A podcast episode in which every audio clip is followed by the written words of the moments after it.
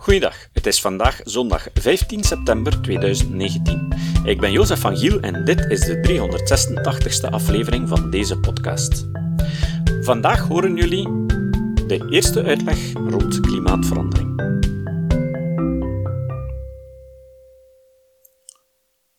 Hoe werkt klimaatverandering? Het weer en het klimaat. Het klimaat versus het weer. Het eerste wat je moet begrijpen is dat het klimaat en het weer twee verschillende zaken zijn. Ook in de manier waarop je beide problemen modelleert om er voorspellingen over te maken. Een dooddoener van klimaatontkenners is dat ze het weer niet eens op een week na correct kunnen voorspellen. Dus, hoe kan je dan nog geloven dat ze het klimaat over 50 jaar zouden kunnen voorspellen? De persoon die dit zegt, begrijpt duidelijk niet wat het verschil is tussen beide en waarom de voorspellingen in beide gevallen fundamenteel verschillend zijn. Ik hoop dat tegen het einde van de volgende aflevering, we gaan dit probleem over twee afleveringen uitspreiden, dat wat duidelijker te maken. Het weer zijn de meteorologische omstandigheden op een specifiek tijdstip en op een specifieke plaats. Volgens Wikipedia het weer is de gesteldheid van de atmosfeer op een bepaald ogenblik. Het weer kan je uitdrukken in enkele duidelijke parameters die zich voordoen op specifieke tijdstippen en plaatsen. De belangrijkste parameters van het weer zijn de temperatuur, de luchtdruk, de windsnelheid en windrichting, de bewolking, luchtvochtigheid enzovoort. Die je kan uitdrukken met een bepaalde waarde op een bepaald tijdstip en op een bepaalde plaats. Je kan over het weer van een dag of een etmaal spreken, en dan stel je vast dat deze parameters in de loop van de dag variëren. In dat geval kan je spreken over een minimale, maximale en gemiddelde waarde. Daar hebben de meeste mensen al genoeg aan, maar een statisticus houdt er ook van om de kwartielen of standaardafwijkingen erbij te halen. Kwartielen zijn de punten waar 1 vierde, 2 vierde en 3 vierde van de meetwaarden boven zitten. De standaardafwijking of spreiding is een parameter voor de mate waarin de metingen van elkaar afwijken. De standaardafwijking geeft een zone rond het gemiddelde waarbinnen 68% van de metingen zitten. Men spreekt ook nog van twee keer de standaardafwijking en drie keer de standaardafwijking, waarbij in dat laatste geval 99,7% van de metingen binnen de zone vallen. Eigenlijk heb je bij een meting een standaardfout, die een benadering is van de standaardafwijking, welke een theoretische parameter is. Wat je moet onthouden is dat het niet alleen belangrijk is wat je gemiddelde waarde is, maar ook hoeveel de waarden variëren en waar de extremen zijn. Ten slotte kan je het weer ook voor een bepaalde regio in plaats van voor één specifieke plaats vastleggen. Bijvoorbeeld België of Nederland, ofwel West-Vlaanderen, Holland, enzovoort. Ook in dit geval zijn minima, maxima enzovoort belangrijk om te beschrijven. Op weerkaarten zal men dan dikwijls ook werken met meteorologische lijnen. Lijnen die punten op de kaart verbinden waar een bepaalde parameter dezelfde waarde heeft. De meest gekende zijn de isobaren. Dat zijn lijnen van gelijke druk. En het interessante aan die lijnen is dat die mooi tonen hoe winden zich over de landkaart zullen bewegen. Maar je kan ook isothermen tekenen, lijnen van gelijke temperatuur, enzovoort. Het klimaat is eigenlijk een abstracter begrip dan het weer. Toch is het een zeer belangrijk begrip, omdat het klimaat veel meer de flora en fauna en de leefbaarheid van een regio bepaalt dan het weer. De definitie op Wikipedia luidt: Het klimaat is de gemiddelde weerstoestand, tussen haakjes temperatuur, windkracht, bedekkingsgraad en neerslag, haakjes dicht, over een periode van minimaal 30 jaar. Het klimaat is een verzameling van gemiddelden, minima en maxima van weerfenomenen over het jaar heen bekeken over een langere periode. Elk woord is hier belangrijk. Je kan twee streken hebben met een gelijke gemiddelde temperatuur over het jaar heen, die toch een ander klimaat voorstellen, omdat de ene zeer grote variaties tussen zomer- en winterperiode heeft en de andere veel minder. Een typisch voorbeeld is het verschil tussen een continentaal en een maritiem klimaat. De zee zal in een maritiem klimaat de koude in de winter en de hitte van de zomer temperen, terwijl dat in een continentaal gebied niet zal gebeuren. Er zijn ook streken waar de verschillen tussen zomer en winter niet zo groot zijn, maar wel tussen dag en nacht. Dat is een typisch verschijnsel voor woestijnen, waar het s'nachts kan vriezen en overdag meer dan 40 graden Celsius kan worden. Ook voor neerslag kan je gelijkaardige verschillen over verschillende klimaten zien. In sommige plaatsen, de lage landen, maar nog meer in Schotland, regent het soms dagen aan een stuk een heel klein beetje. In West-Vlaanderen noemen ze dat miseren. Ik vind dat dat een officieel Nederlandstalig woord zou moeten worden. Terwijl er andere plaatsen zijn waar het bijna nooit regent, maar als het regent, valt het met bakken, waardoor er uiteindelijk gemiddeld over het jaar meer neerslag valt dan in het miserland. Er bestaat ook zoiets als een microklimaat. Dat is een klein gebied waar het klimaat afwijkt van de regio rond. Dat kan gebeuren als gevolg van gebergten of andere fysische barrières.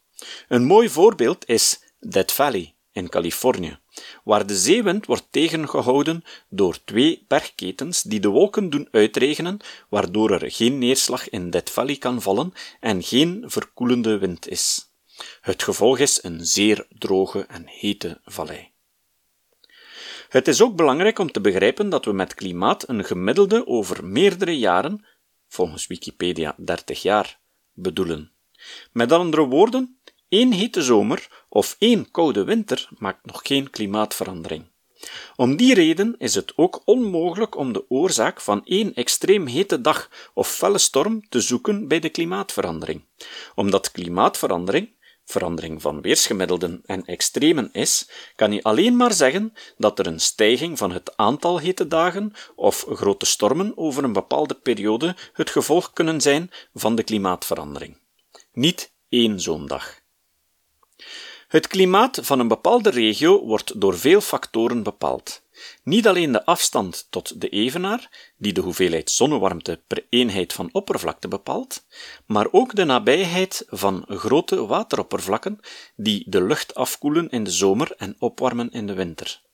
Bergen, die zorgen voor stijgingsregens en andere fenomenen, de vegetatie, de ondergrond enzovoort. Over het algemeen zal er een luchtcirculatie ontstaan die loopt tussen warme gebieden en koude gebieden. Als lucht opwarmt, zet ze uit.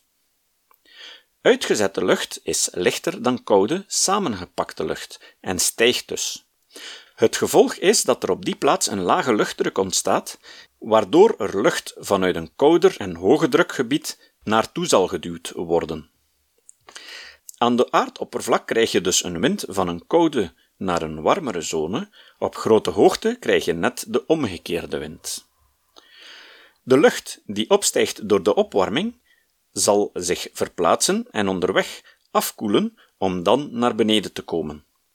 Dit fenomeen doet zich op de aarde voor tussen de evenaar en 30 graden noorderbreedte en zuiderbreedte. Doordat de zon aan de evenaar recht op het oppervlakte schijnt, produceert ze daar veel meer warmte, waardoor de lucht gaat stijgen. Op 30 graden noorderbreedte en zuiderbreedte zakt die lucht weer, maar de verhoogde druk die zo ontstaat, zorgt ervoor dat er lucht nog verder weg van de evenaar geduwd wordt. Maar aangezien het daar nog kouder is, gaat deze lucht opnieuw stijgen boven de lucht die er al is.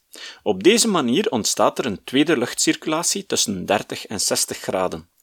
En tenslotte herhaalt zich nog eens tussen 60 graden en de polen.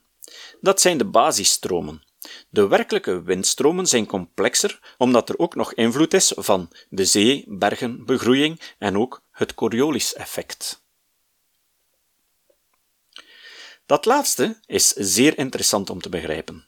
Het Coriolis-effect zorgt ervoor dat de wind niet van een hoge drukgebied recht naar een lage drukgebied waait, maar in een spiraal van het hoge drukgebied wegbeweegt, terwijl het in een spiraal in omgekeerde richting naar het lage drukgebied toe beweegt. In het noordelijk halfrond draait de wind in tegenwijzerszin rond een laagdrukgebied, in het zuidelijk halfrond is het net omgekeerd. We kunnen stellen dat lucht zich verplaatst van een hoge naar een lage druk, denk aan het leeglopen van een opgeblazen ballon, of gewoonweg aan blazen met de mond. Maar op aarde speelt ook het Coriolis-effect. Het is een moeilijke naam voor iets dat in wezen vrij simpel is, eenmaal je het begrijpt. Het is het gevolg van de rotatie van de aarde. Aan de evenaar draait de aarde met een snelheid van 40.000 km per dag, van west naar oost. Dat is ongeveer 1600 km per uur. Maar meer naar het noorden wordt de draaicirkel en dus ook de snelheid kleiner, totdat je op de Noordpool op één dag maar net één keer om je as draait. Tenminste als je daar zou staan en je het daar één dag zou uithouden van de kou. Beeld je nu in dat je een pakketje lucht bent op grondniveau 30 graden noordelijker dan de evenaar. De draaicirkel van de aarde is daar kleiner dan de evenaar. Je beweegt dan met de grond mee met een snelheid die kleiner is dan 40.000 km per dag. Ongeveer 34.640 km per dag, van west naar oost. Als nu de druk op de evenaar kleiner is dan meer noordelijker, wat doorgaans het geval is, zoals ik in de vorige uitleg rond eh, de werking van de zon aantoonde, dan gaat dit pakketje lucht naar het zuiden beginnen bewegen. Maar het komt dan boven grond die sneller van west naar oost beweegt, omdat het pakketje een kleinere snelheidscomponent van west naar oost had dan de grond, gaat het achteruit lopen op de grond en dus voor een waarnemer afbuigen naar het westen.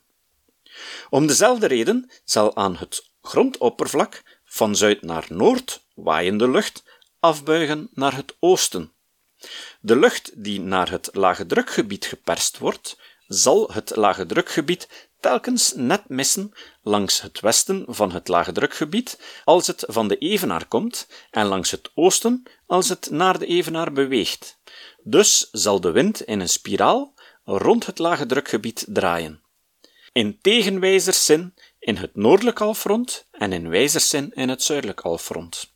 Op dezelfde manier draait de lucht die wegwaait van het hoge drukgebied in wijzerzin rond het hoge drukgebied in het noordelijk halfrond en in tegenwijzerzin in het zuidelijker halfrond. Dat platte aarders maar eens uitleggen hoe dat, dat komt op een platte aarde. Hoofdzaak is dat je weet dat rondtollende luchtmassa's ontstaan door de draaiing van de aarde.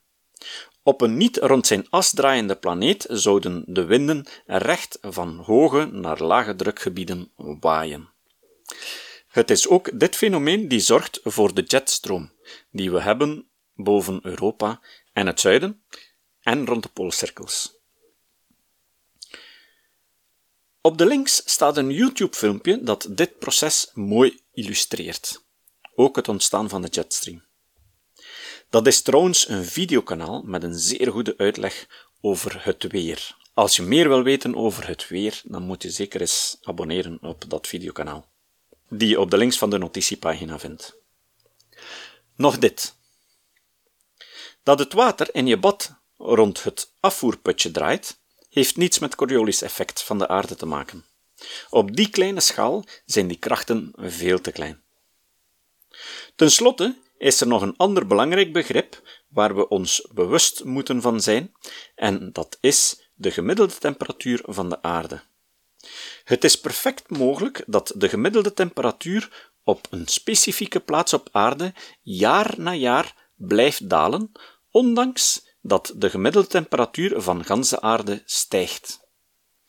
Omgekeerd is het ook mogelijk dat alhoewel de gemiddelde temperatuur van de aarde ongeveer 200 jaar met maar 1 graad stijgt, dat die op sommige plaatsen veel meer stijgt.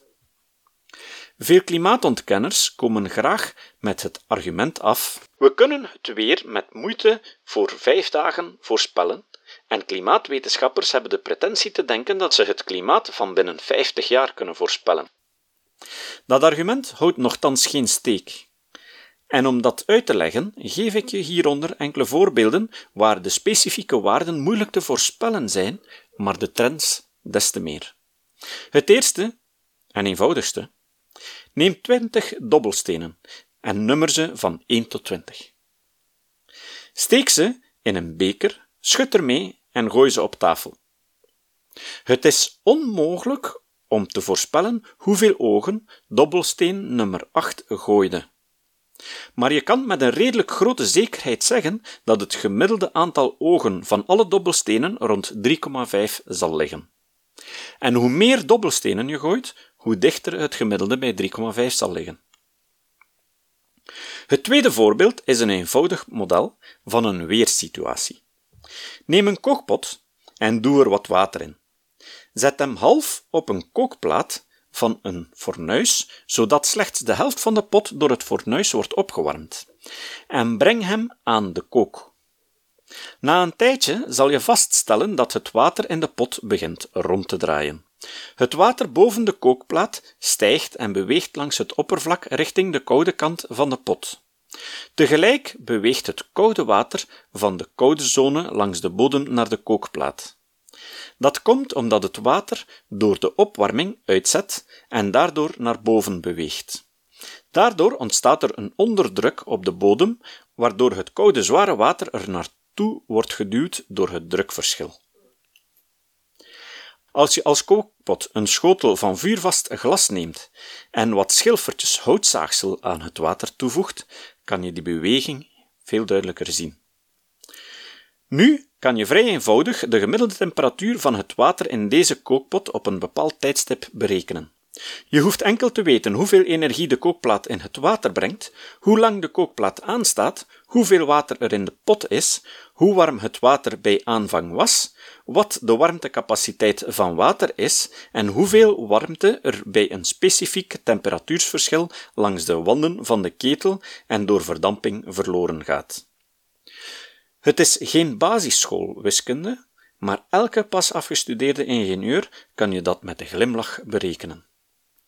Maar als je hem vraagt hoe snel het water op een bepaalde plek in de pot op een bepaald tijdstip beweegt, dan zal die ingenieur in zijn haar krabben. Hij moet veel meer parameters kennen. Temperatuursverschillen tussen verschillende plaatsen in die pot berekenen, interne wrijvingen, wrijvingen van de wanden en zo verder.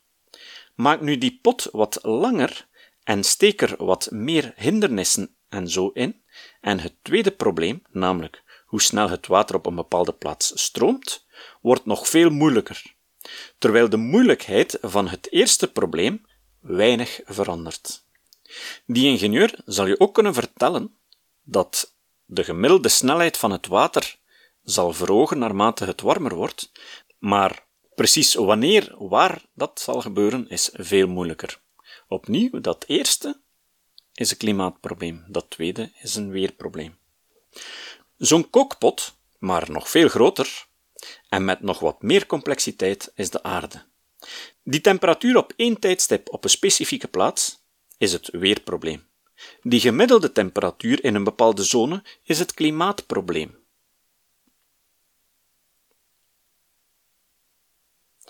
Volgende keer gaan we in op hoe de temperatuur op aarde ontstaat. Het zal verder duidelijk maken waarom klimaat beter te voorspellen is dan weer.